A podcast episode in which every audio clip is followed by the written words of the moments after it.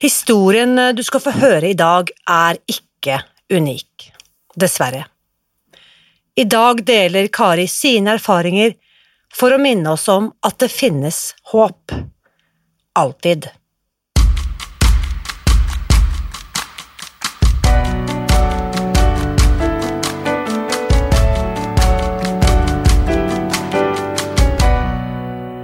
Mitt navn er Irina Lie. Jeg er journalist og forlegger, gründer og sosialentreprenør.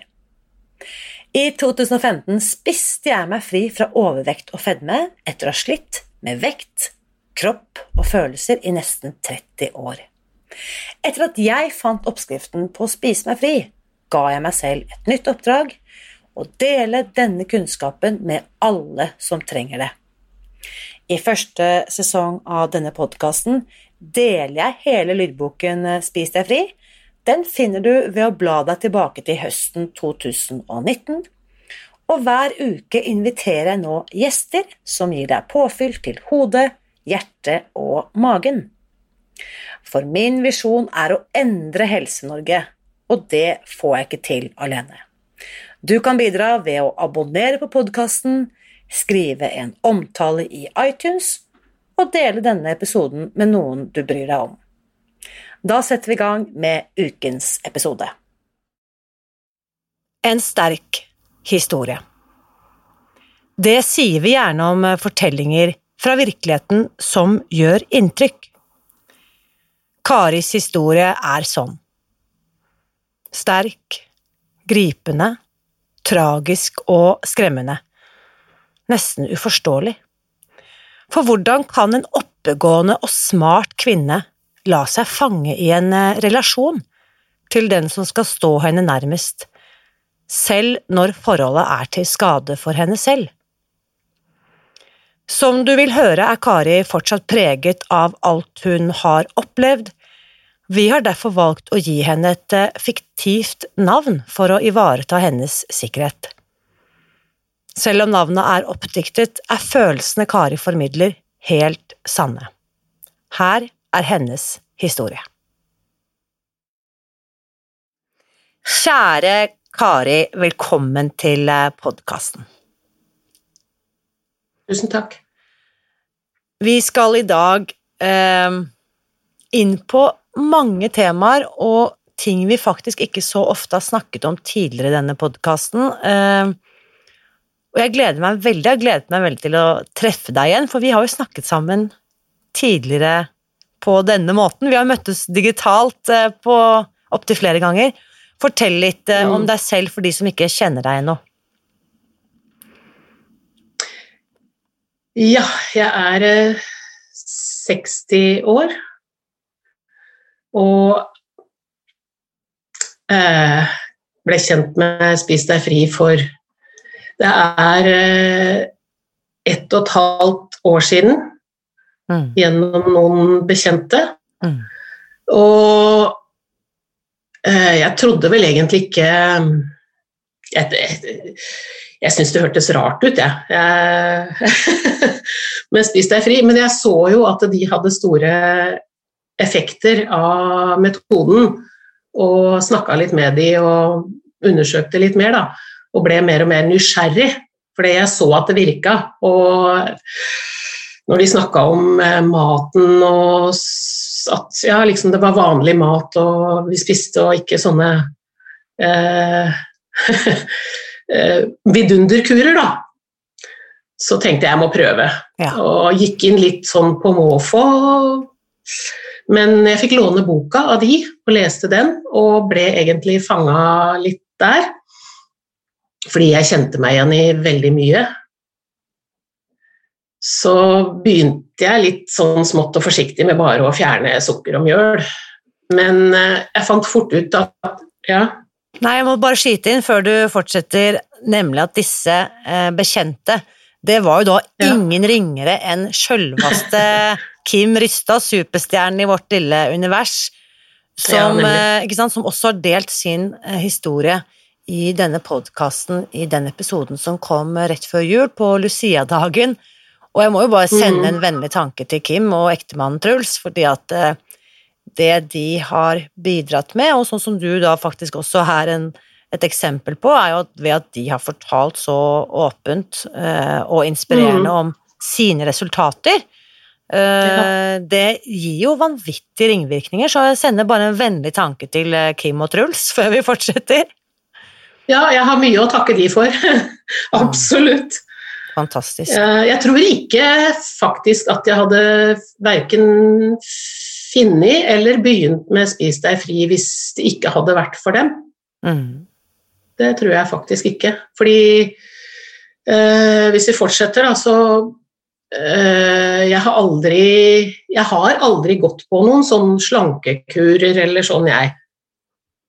Så er vel kanskje litt atypisk Spis deg fri i forhold til det, da. Mm. Men um, jeg har alltid tenkt på det at å spise sunt og spise mindre og bevege meg mer har vært det som skulle mm. til Fordi, for å gå ned igjen i vekt. Nå er du altså, når denne episoden nå spilles inn, i mars 2021, så er du 60 år gammel. Så da, på dette tidspunktet for halvannet år siden, da var du 58,5, da, sånn cirka. Eh, men eh, la oss da tenke tilbake til den høsten 2019, da du hørte og så eh, Kim og Truls fortelle om dette, og så vidt stakk din mm. tå uti dette vannet. Hva var det som du kjente deg igjen i, hva var det som tiltrakk deg til metoden, og, og hva var det du slet med, da, for å si det sånn, på det tidspunktet?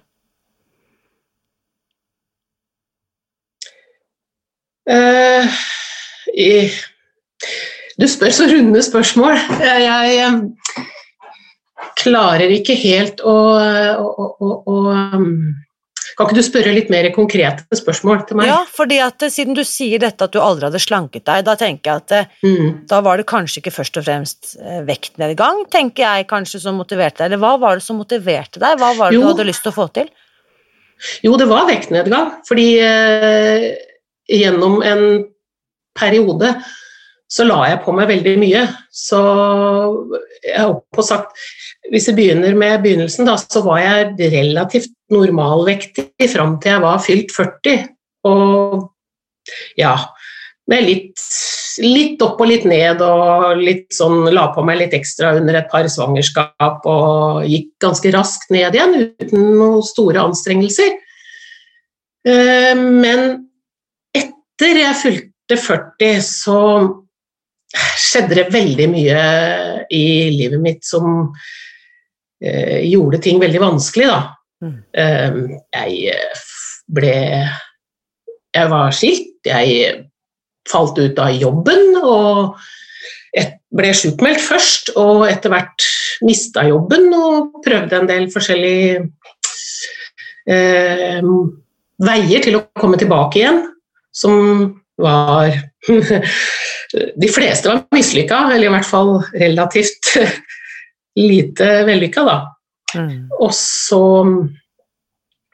eh, kom jeg vel også i overgangsalderen, har litt å si, og så traff jeg en fyr som virka veldig hyggelig og hva skal jeg si, hjelpsom til å begynne med, men det viste seg å bli et veldig dårlig forhold. Og jeg isolerte meg veldig. Og eh, jeg falt ut av, av samfunnet og i det hele tatt ja. For å stoppe litt opp denne historien. Ja. Du, du, forteller om, en, om et voksenliv som egentlig går ganske greit frem til Ja, du er midt i livet, da, ikke sant, som du er 40, og så skjer det en dårlig domino som leder til en annen mm. dårlig domino, og så plutselig sitter du med en ganske omfattende Hva skal vi mm. si, ikke sant, bøtte med eh, kjipe ting. Eh, jeg tenker, mm. for min egen del har jeg jo opplevd noen av de tingene du beskriver, og én ting er jo den fysiske belastningen som følger av å ikke Altså for eksempel gå ukontrollert opp i vekt. Det er jo Bare det i seg selv er jo et levende mareritt. Mm. I tillegg så beskriver du også dette med å f.eks. havne utenfor arbeidslivet. Hvordan, mm. hvordan hadde Kari det eh, i 40-åra, følelsesmessig? Hvordan, hvordan, gikk det med deg? Eh, det gikk ganske dårlig. Når jeg ser på det i ettertid, så var jeg egentlig veldig dårlig. Jeg var eh, et, etter hvert, da, i løpet av noen få år, fire-fem år, så var jeg blitt eh, veldig ja, overvektig og gikk inn i en dyp depresjon. Mm. Jeg var faktisk i en periode suicidal. Mm. Og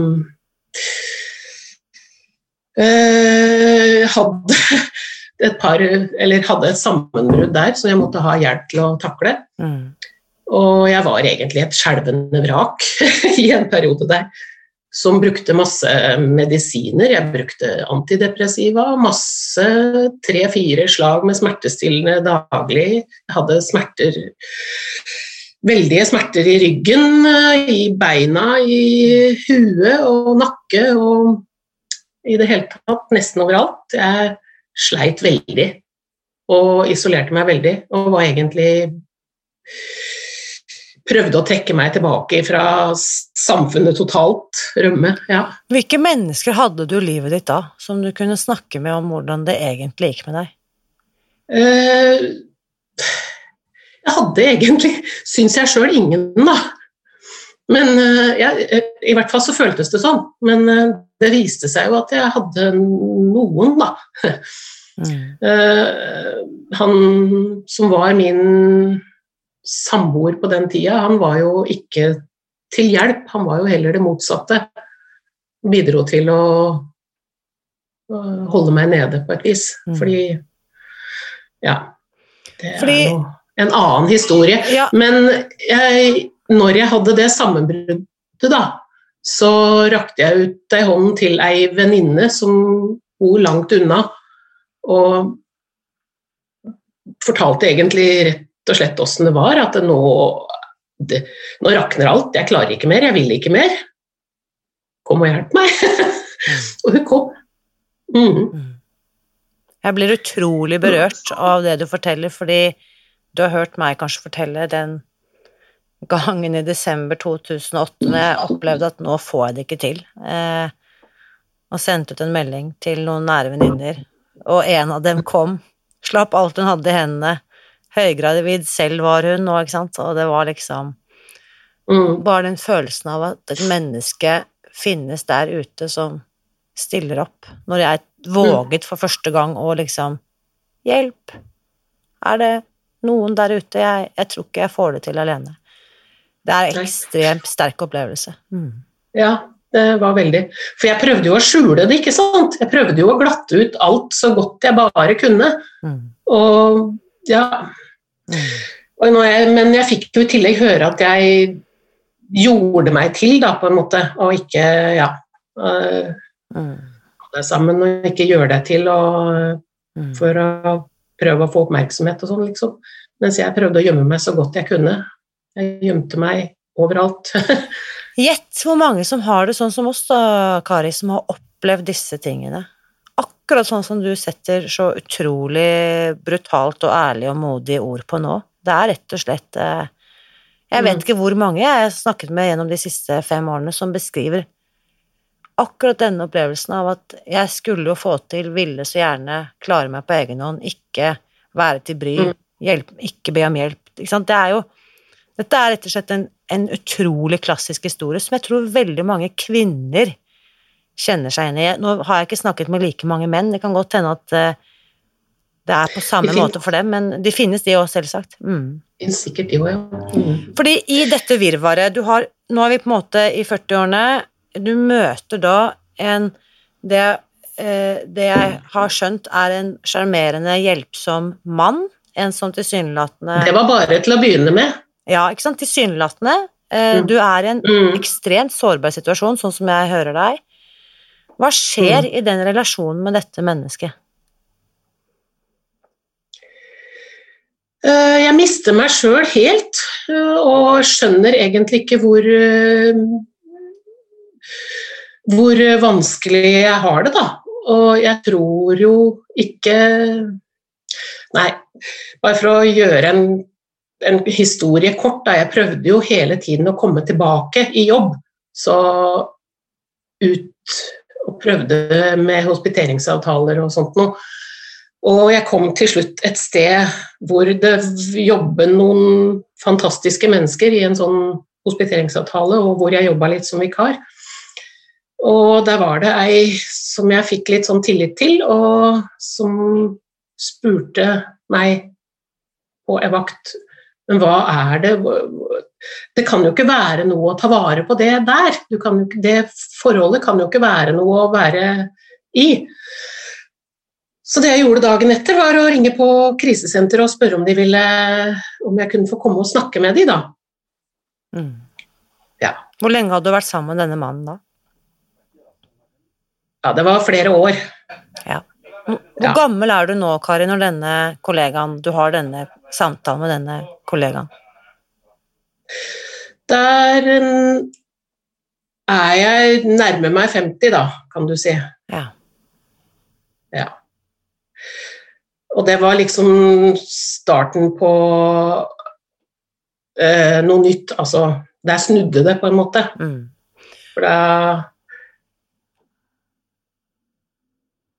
Da skjønte jeg hvor, hvor eh, ille jeg egentlig hadde det, da. Noen satte ord på det for meg. Hva sa krisesenteret? Nei, de sa at det var eh, psykisk mishandling, det du har vært utsatt for, sa de. Og jeg ble Jeg ble faktisk veldig glad når de sa det. Fordi jeg hadde ikke skjønt det før noen satte ord på det for meg, men da gikk det et lys opp for meg. Ja, men det er jo sant, det, liksom. Det er akkurat det det mm. er. Mm. Uh, ja. Så der snudde det. Klarte du da Jeg må bare si, nå har jeg Vi snakker sammen, jeg ser deg jo, de som hører deg, uh, ser deg jo ikke, mm. men jeg kan bare fortelle da at jeg kjenner fysisk gåsehud på kroppen fordi jeg har selv vært i destruktive relasjoner. Og så når jeg mm. tenker tilbake hva jeg sa til meg selv mens det sto ja. på Ja. Hva var det du sa var... til deg selv sant, i denne relasjonen med denne mannen? Uh, nei, det var bare negative ting. At uh, jeg var ubrukelig, og det var ingen som var interessert i å kjenne meg, og det var uh, Ja, jeg var ikke Jeg kunne ingenting, og jeg var dum, og jeg var lat, og jeg var tjukk, og jeg var Ja. I det hele tatt. Så du skulle nesten bare, bare, du skulle nesten bare være glad du, for at han i det hele tatt ville være sammen med en som var så håpløs? Ja, ja. Det burde jeg være veldig glad for. Det fikk jeg jo forstå. At jeg, jeg var jo heldig som hadde noen til å såkalt ta vare på meg. Ja. Når krisesenteret Når krisesenteret i denne samtalen Altså jeg skal ikke si vekker deg, for det er jo ikke de som gjør det, men idet du får denne oppvåkningen da, i møte med krisesenteret og får dette satt ord på av noen andre, hva skjer Jeg hadde jo tenkt tankene før, men altså, de var jo Jeg fikk jo ikke bekrefta de tankene på en måte, det var jo bare motsatt. Så mm. det var veldig eh, godt at de, de, de, eh, fortalte meg hva det var jeg egentlig opplevde, da. Mm. Hva, hva, mm. slags endring førte det til? Hva skjedde rent sånn praktisk og fysisk med Kari som gikk ut igjen fra det møtet, eller hva hadde skjedd med deg da? Hva gjorde du? Selvtilliten min har jo vokst hele veien siden da. Den var jo på et eh, jeg har på sagt nullpunkt, nesten under null, ikke sant? ja. Så eh, jeg har jo kommet tilbake i jobb. Jo, men akkurat tilbake da, for ti år siden, hva skjedde helt konkret den dagen da du fikk denne innsikten? Hva gjorde du med det samboerskapet og den mannen, og hva gjorde du i forhold til alt det? Jeg flytta ut. Jeg eh, fikk bo på krisesenteret en periode, og eh, etter det kjøpte jeg meg leilighet og har bodd for meg sjøl siden da, da. Så Hvordan ble denne avgjørelsen tatt imot av denne mannen? Ikke særlig godt. Nei. Nei. Jeg ble ja, stalka på telefon og fulgt etter og ned, altså nedringt og nedbombardert av uh, først litt innsmigrende meldinger, men etter hvert bare stygge. Og, men jeg, jo, jeg tok jo ikke telefonen, da. For det kunne jeg jo ikke. Og han brukte også min uh, mine nærmeste og liksom prøvde å kontakte de og sverte de. Og han prøvde til og med å kontakte krisesenteret og kom inn der. Så jeg var veldig, veldig redd en periode etterpå. Veldig redd. Og etter at jeg flytta i leiligheten òg, så var jeg veldig redd. Jeg gikk rundt som Ja. Mm fra dør til vindu til dør og Jeg stiller deg, og, jeg, og, og tro meg, jeg stiller deg disse spørsmålene fordi at dette også Poenget mitt her er at det å sette meg selv og min helse først, og ta mm. vare på meg selv, og det du har hørt meg snakke om mange ganger, sette tydelige og klare grenser, det mm. er ikke nødvendigvis alltid det våre nærmeste, i gåseøyne, ønsker seg. Ikke sant? Mine behov kan faktisk gå tvert imot det kjæresten min, ektefellen min, søsteren min, faren min, moren min, barna mine ønsker seg, hvis de kan få bestemme. Mm. Så det du Og jeg får helt sånn eh, Blodet fryser til is i årene når du forteller. Det du har vært utsatt for, er jo ikke tvil om at det er psykisk terror, eh, det er det jo helt åpenbart. Det er jo ikke mm. lov heller, for øvrig, eh, å oppføre seg sånn mot et annet menneske, eller mot noen, egentlig, men, men det jeg tenker, er at du det bare, den, den historien vitner om så utrolig mye mot. Å tørre å være redd og stå opp, og ikke gi etter da, mot det enorme presset du åpenbart er blitt utsatt for. Ja. Det har jeg jo faktisk tenkt i ettertid. De, ikke hele tida, for det skal ikke så mye til for å vippe meg av pinnen. Men at eh, jeg er faktisk ganske sterk. Yes! Ja. det er det ja. ingen tvil om. La oss bare slå fast det med en gang. Og så må jeg bare si, av hensyn til din eh, ditt ve og vel, vi har blitt enige om at vi bruker Vi kaller deg Kari. Eh, ja, det mhm. stemmer at du er 60 år. Eh, det er ikke ditt ekte navn. Det spiller ingen rolle, fordi at helse og sikkerhet kommer først alltid. Og det er ikke mm. vits i å på en måte provosere noen unødig eller komme med beskyldninger.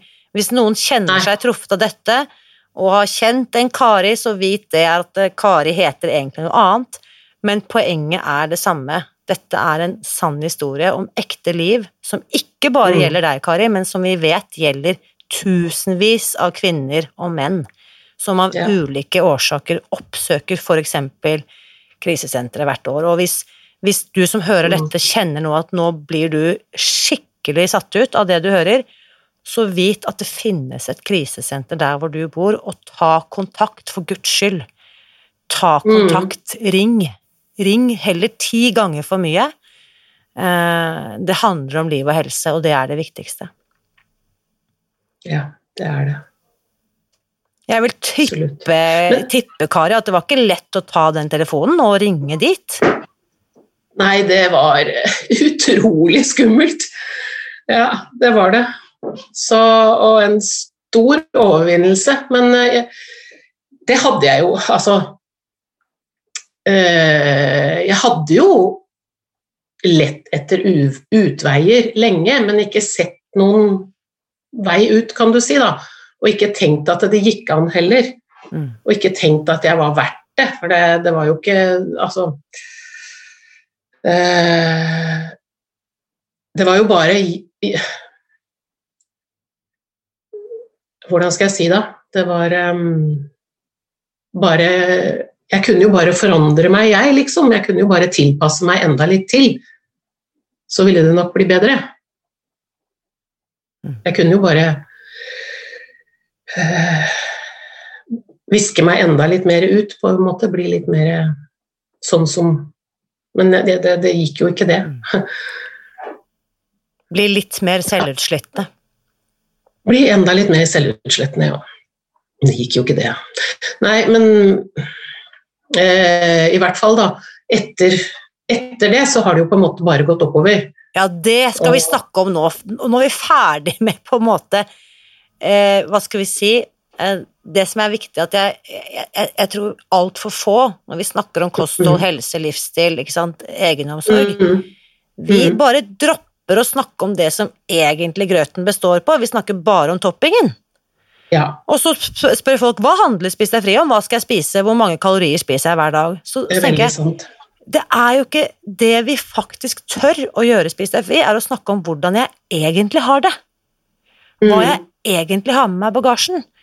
Grunnen ja. til at jeg trenger å rømme, trøste, ikke sant, mm. døyve alt det jeg har gjort med mat. Mat har hatt en utrolig viktig funksjon i livet mitt. Den har, gitt, den har vært bestevennen min. Den har vært der hvor jeg kan rømme når jeg ikke har følt meg trygg. Den har vært den som har mm. gitt meg glede og oppturer når livet har vært for jævlig. Det har vært mm. det jeg har kunnet løpe til når jeg har tenkt at nå er ikke livet verdt å leve. Da har to liter vaniljeis vært en fantastisk venn å ha, ikke sant? Ja, temmelig nøyaktig. Temmelig nøyaktig to liter vaniljeis. Du vet, vi skal ikke gå inn på merket, for der har vi alle våre ulike favoritter, men det er veldig interessant også å høre de som eh, driver med salg av vaniljefylte produkter. er sånn sånn det er to grupper som har det på sin favorittliste. Det er de som driver med mye med overspising eller sånn ukontrollert cravings, bla, bla, bla, og så er det narkomane. At det er bare å eh, spørre en virksomhet storkiosk. Vaniljegreier, det er eh, Og jeg tror ikke det er tilfeldig, for det funker som bare rakkeren. Før vi finner bedre strategier for å ta vare på oss selv og følelsene våre, og det er det vi skal snakke om videre mm. nå, kjære Kari. Fordi mm, fortell, du har gjort denne opprenskningen, du har fått satt noen klare og tydelige grenser, du har bedt om hjelp, du har fått hjelp, du har tatt imot hjelp, flyttet ut, mm. startet på nytt, da. Og nå er du i 50-årene når dette skjer, ikke sant? Ja, det er helt riktig. Fortell hva som skjer etter det. Hvilke byggeklosser er det du får på plass i ditt eget liv som gir deg eh, en bedre hverdag? Ja, jeg begynte litt i stad, og det med å komme i en fast jobb igjen, da, det har betydd utrolig mye. Nå jobber jeg ikke full tid, for jeg er delvis ufør. Legen min ville jo i flere år uføretrygde meg 100% men eh, det var jeg ganske motvillig til. Så jeg ville prøve mer. Men det å komme tilbake i jobb, det var, eh, det var veldig eh, stort og veldig godt. Er det et resultat du knytter til nytt kosthold? Er det noe du har opplevd som følge av Nei, det skjedde før du Nei, fant Spis deg fri? Det skjedde før jeg fant Spis deg fri, ja. Det gjorde det.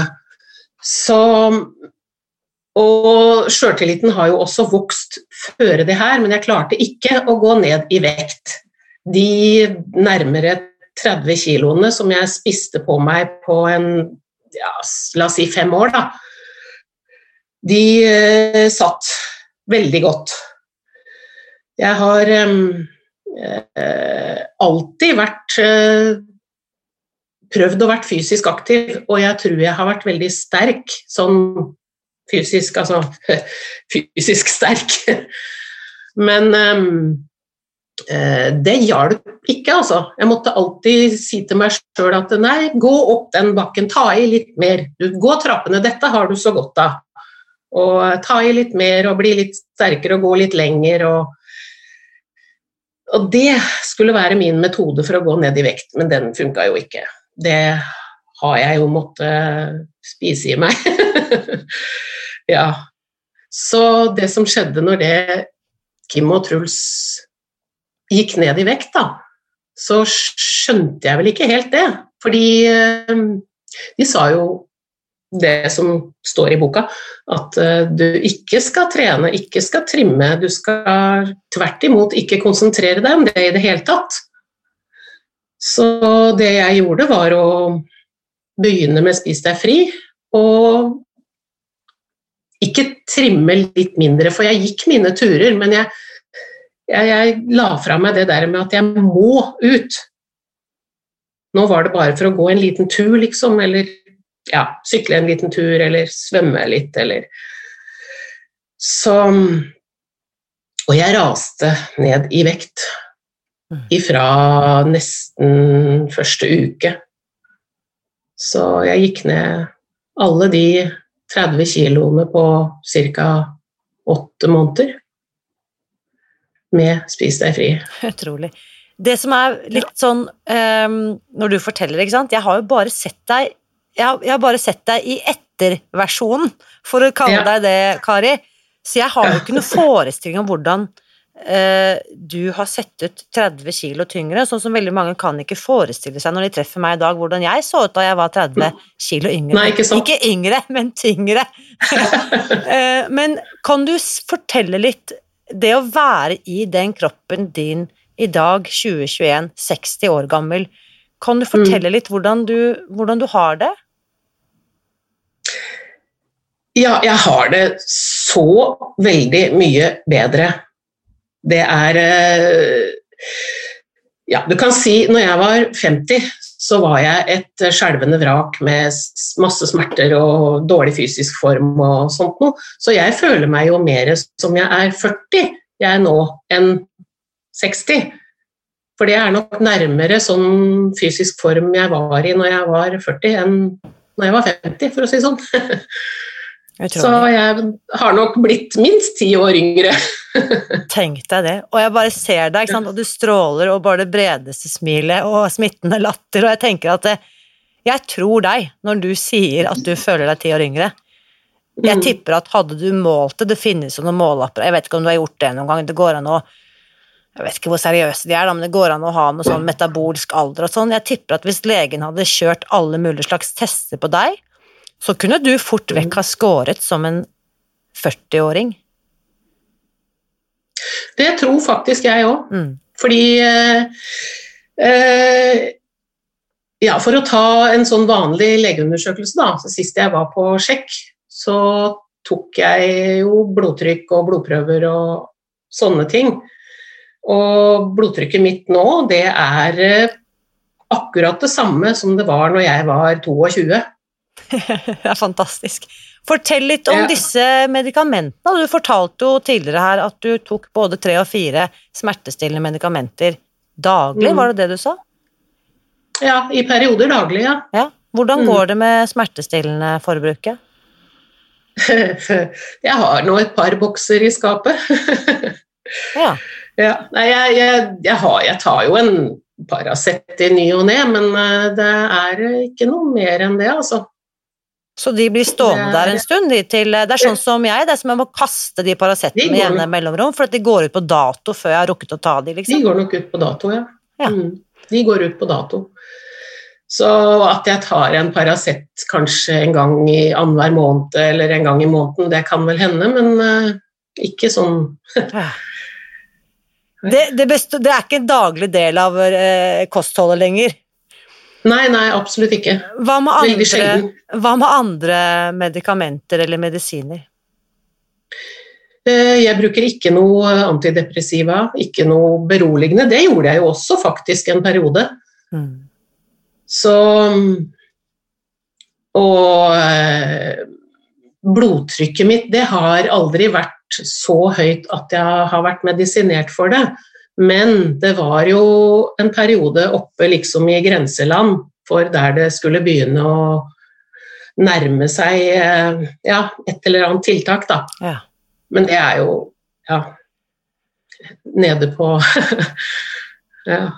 Og blodsukker, langtidsblodsukkeret mitt var også oppe i grenseland en periode, for å nærma seg diabetes 2, men eh, det er jo helt normalt, det nå. Så. Som en hvilken som helst annen frisk 40-åring, så har du ingen helseplager. Nei.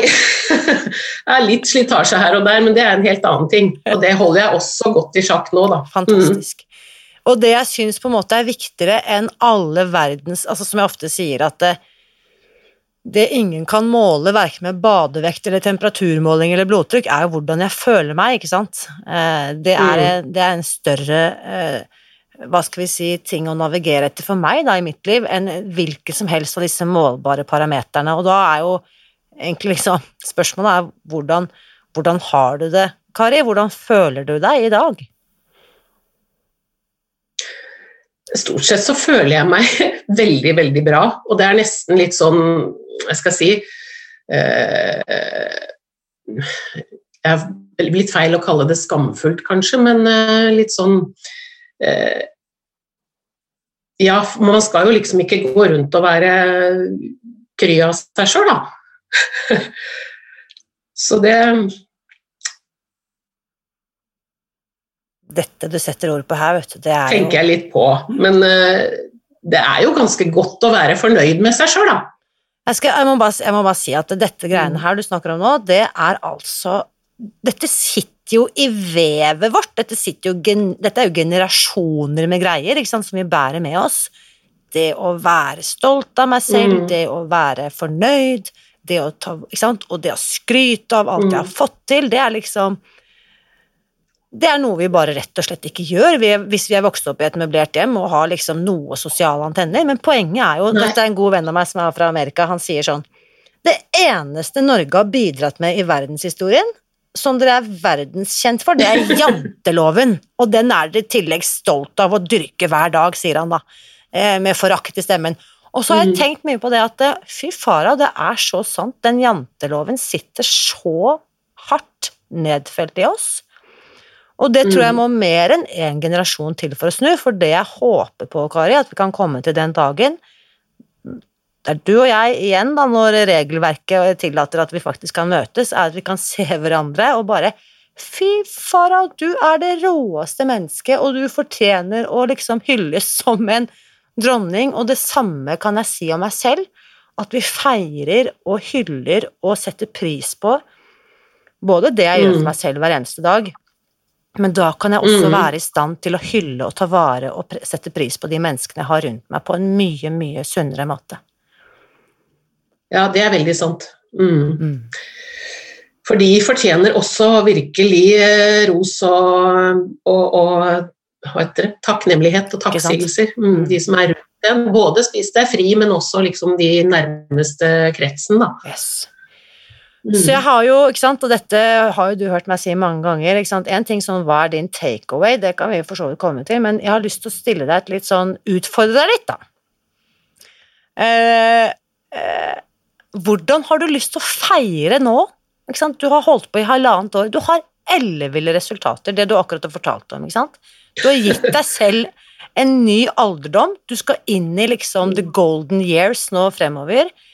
Hvordan skal du feire den fantastiske bragden du har gitt og gjort og utført så langt, eh, Kari?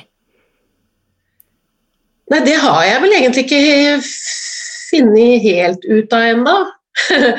Jeg driver og fabler litt om noen sånne hva skal jeg si Ikke sportslige utfordringer, men litt sånn om jeg skal melde meg på noe Så gøy! Hva er det som frister da? Men, mm, nei, det, det, det, kommer nok ikke til å bli det, for er jeg, det er jeg ikke god nok til. Men jeg tenkte en gang at triatlon kunne vært morsomt for eh, sånn pensjonist... Uh,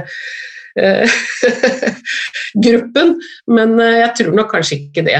Hvorfor ikke? Altså, det trenger jo ikke være olympisk distanse. Kan du kjøre triatlon med 100 meter svømming, 10 eh, km sykling og 5 km løp. Det går jo an å lage sin egen variant. Ja, det variant. går an. Jeg har, jeg har, sett på det, faktisk, så jeg veit ikke. Eh, det blir nok ikke i sommer, men kanskje neste år. Du, det hadde vært et utrolig kult eh, Det hadde vært et utrolig kult initiativ. Og nå trykker du på en knapp hos meg som gjør at jeg har jo veldig mange gode unnskyldninger for hvorfor jeg ikke skal drive med sånne ting, men saken er det at det, er faktisk en drøm å utfordre meg selv. Jeg har jo vært med på noen mosjonsløp, som du vet, og det er jo noe av det råeste jeg har gjort. Ja. Uh, og tenk så gøy å prøve det igjen, 20 og 30 kilo lettere enn det jeg var sist jeg holdt på med de greiene. Absolutt. Eh, så hvis du sier at du skal gjøre det, Kari, så skal jeg forplikte meg til å eh, Kjenner jeg nervøsiteten kan, kan, kan, kan vi ikke dele på det? Sånn at du tar deg av løpingen, så kan jeg svømme, og, og så kan vi dele på syklingen.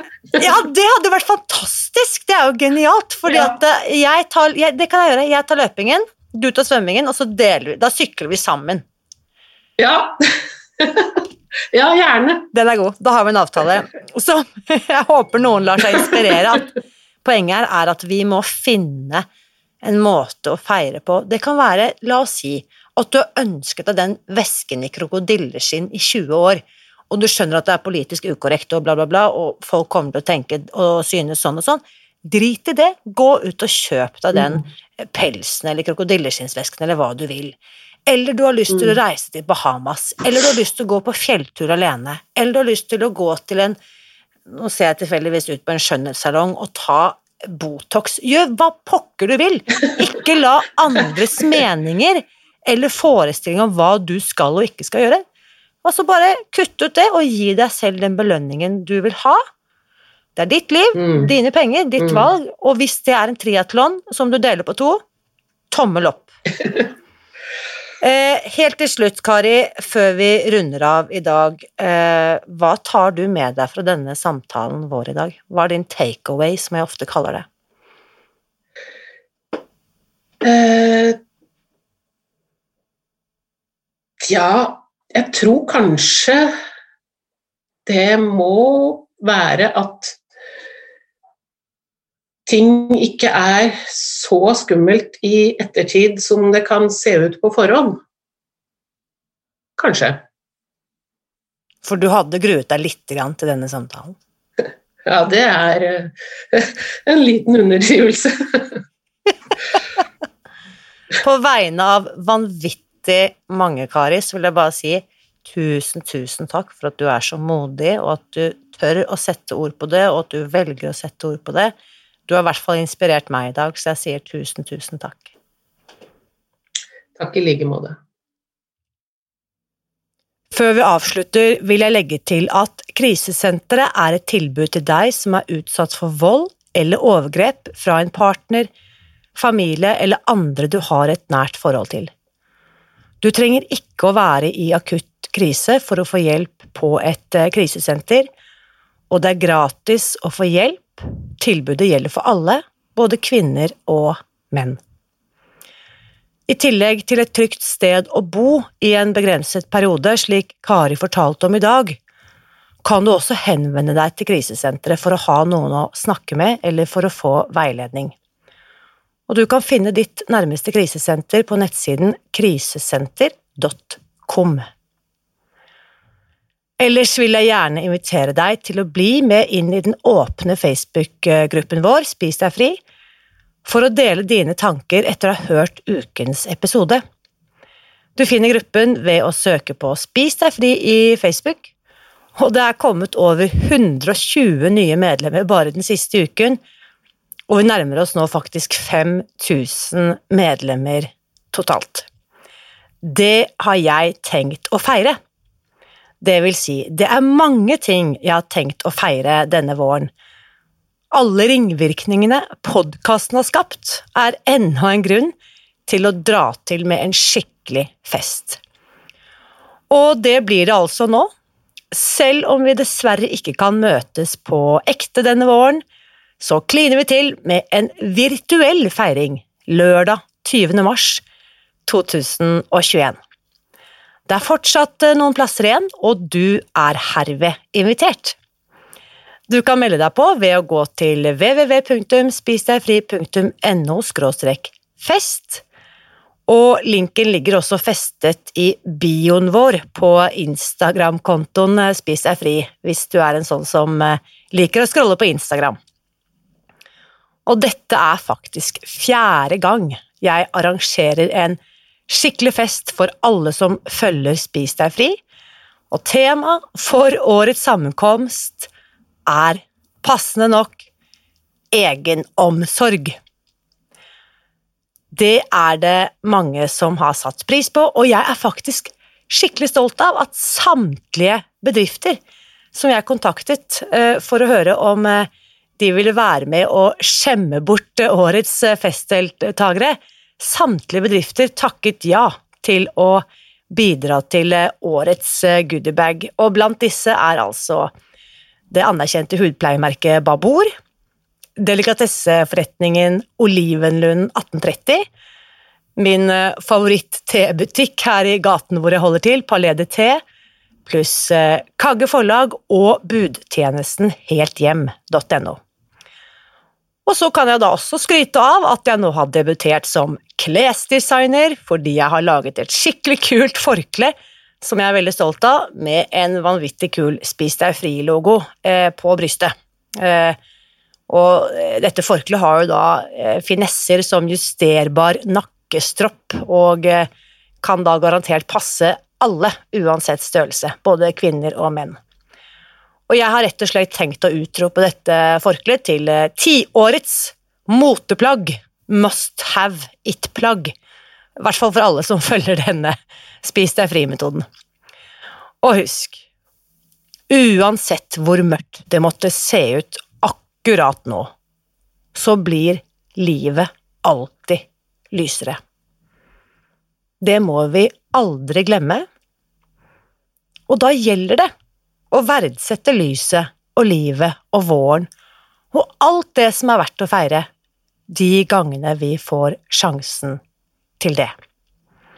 Og uansett hvordan du velger å feire din vei til frihet i dag, så vit at jeg heier på deg. Alltid.